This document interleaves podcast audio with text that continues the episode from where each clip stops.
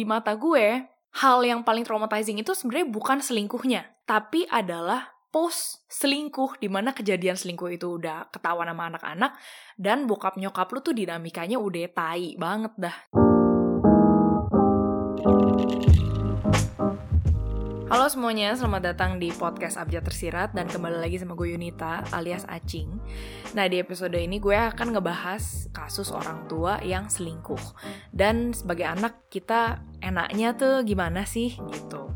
Nah di episode ini gue uh, berusaha mau bikin singkat, jelas dan padat aja. Gue bakal mungkin jelasin dari uh, alasan pertama kenapa gue mau share ini gitu uh, gue tahu ini obrolan yang sensitif tapi gue akan jelasin why. Dan uh, yang kedua adalah gue akan menjelaskan perpanjangan tiga poin yang gue share waktu itu di postingan siapa tahu guna di Instagram gue di Abjad Tersirat. Alasan kenapa gue akhirnya uh, mau lebih membahas atau diskusiin uh, hal perselingkuhan ini yang terjadi di orang tua kita maybe itu adalah pertama bukan demi konten ya bukan demi sensasi tapi karena gue tahu hal ini tuh sensitif tapi cukup penting untuk dibahas gitu loh. Karena gue ngerasa dari pengalaman gue sendiri gue tuh pengen bahas ini cuma orang awkward gitu either mungkin belum ada trust atau bingung mau respon apa tapi kita tuh yang agak traumatized gara-gara orang tua kita ada uh, histori selingkuh, itu sebenarnya butuh teman untuk berdiskusi.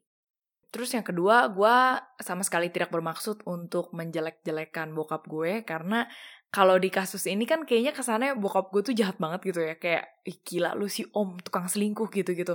Tapi ya of course lah bokap gue juga ada bayi-bayinya yang lain. Jadi Cuma dalam konteks gitu loh. I mean, gue percaya lo orang udah bisa mikir. Dan kalau dalam episode ini kan kita ngomonginnya selingkuh.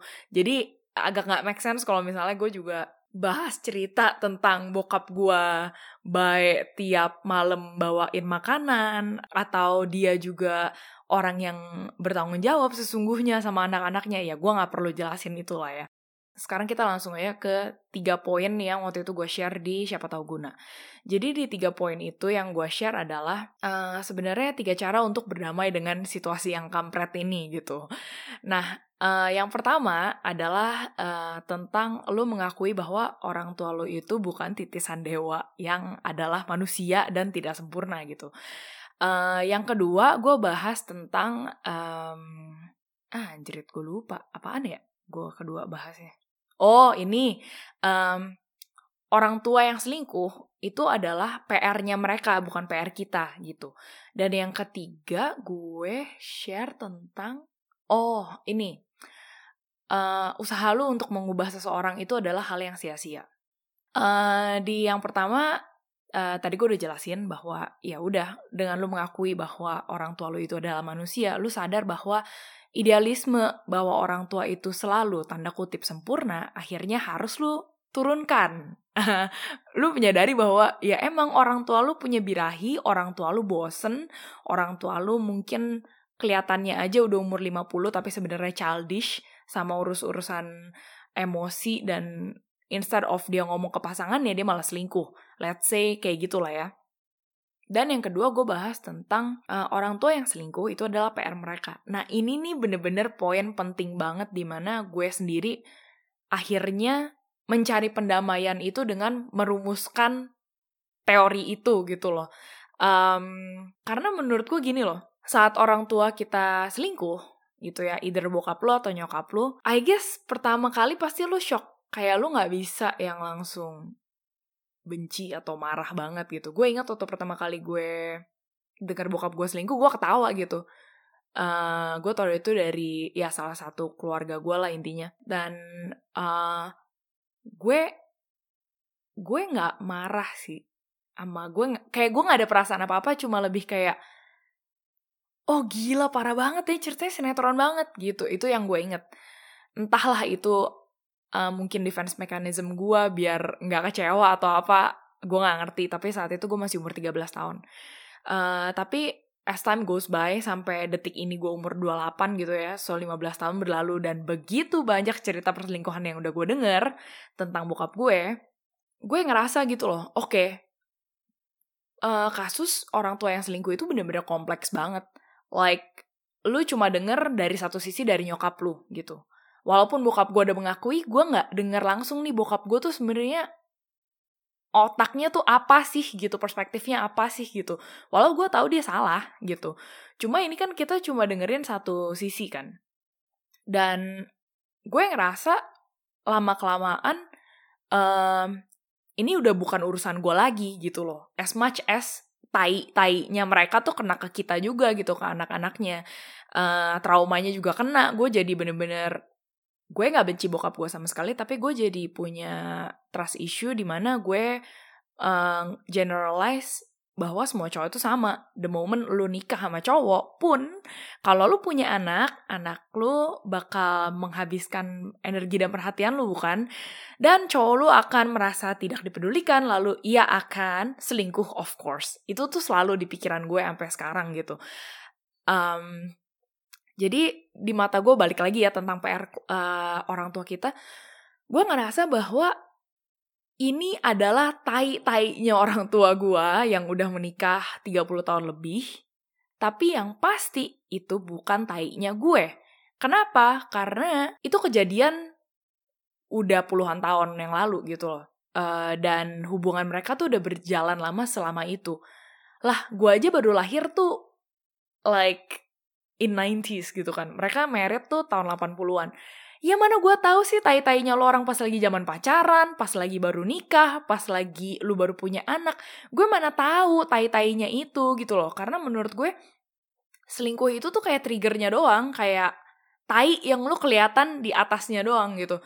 Pas lu kobel kobel kobel kobel lagi, nggak tahu di dalamnya tuh banyak banget yang sebenarnya tumpukan masalah yang nggak kelar gitu loh. Lah itu kan bukan urusan gue dong. Maksudnya gue tuh nggak setuju sama posisi di mana anak-anak itu harus membereskan masalah orang tua. Why? Karena sebenarnya itu bukan tanggung jawab kita, coy yang jadi orang tua siapa role-nya, iya kan? Ya lu dong yang mesti ngurusin hubungan lu. Kalau hubungan lu kagak beres dari awal, kenapa juga lu nikah? Ya enggak? Itu, itu maksud gue. Masalahnya, udah kejadian kan, orang tua kita atau orang tua lu atau orang tua gue ternyata tidak sedewasa itu dalam uh, menjalani hubungan. Atau mereka waktu di masa itu belum kebayang lah uh, hubungan nikah yang sehat tuh kayak gimana sih. Jadi itulah poin kedua gue. Kenapa menurut gue kalau lu sebagai anak, lu mau damai dan lu zen sama diri lu sendiri, ya udah lu pikirin. Itu tuh selingkuh emang imbasnya kena kita. Tapi bukan lu loh, bukan lu yang bertanggung jawab untuk ngeberesin tainya mereka. Bukan lu yang bertanggung jawab untuk mikir, papa papa tuh kenapa sih papa selingkuh kayak lu berusaha untuk sebegitunya mendamaikan mereka. Mungkin lu bisa kasih perspektif kalau mereka tanya gitu ya. Tapi lu mesti tahu batas di mana. Ya udah, ini udah di luar kontrol gue. Ini udah tai-tainya lu. Instead of lu lemparin ke anak lu, kalau lu punya duit, ya lu pergi ke konseling pernikahan. Begitu maksud gue. Yang terakhir adalah poin di mana uh, gue bilang mengubah seseorang itu adalah hal yang sia-sia. Why? Gue bilang gitu karena gue sendiri waktu SMP, gue tuh berharap banget, gue tuh berdoa setiap malam bahwa bokap gue itu bakalan berubah dan gue berharap nyokap gue senggaknya find a solution gitu loh. Kalau lu masih barengan tapi lu nggak bener-bener maafin, mendingan cerai aja. Itu menurut gue. Uh, dan di mata gue, hal yang paling traumatizing itu sebenarnya bukan selingkuhnya, tapi adalah post selingkuh di mana kejadian selingkuh itu udah ketahuan sama anak-anak dan bokap nyokap lu tuh dinamikanya udah tai banget dah gitu ya. Udah berantem berantem berantem yang nggak jelas hal-hal kecil juga diberantemin pintu nggak ketutup rapet diberantemin itu kan nggak penting ya. Itu kayak refleksi untuk orang tua lu bahwa hubungan lu tuh seshit ini loh. Dan you show that maybe lu nggak intentionally uh, showing it to your kids, but your kids can see it gitu.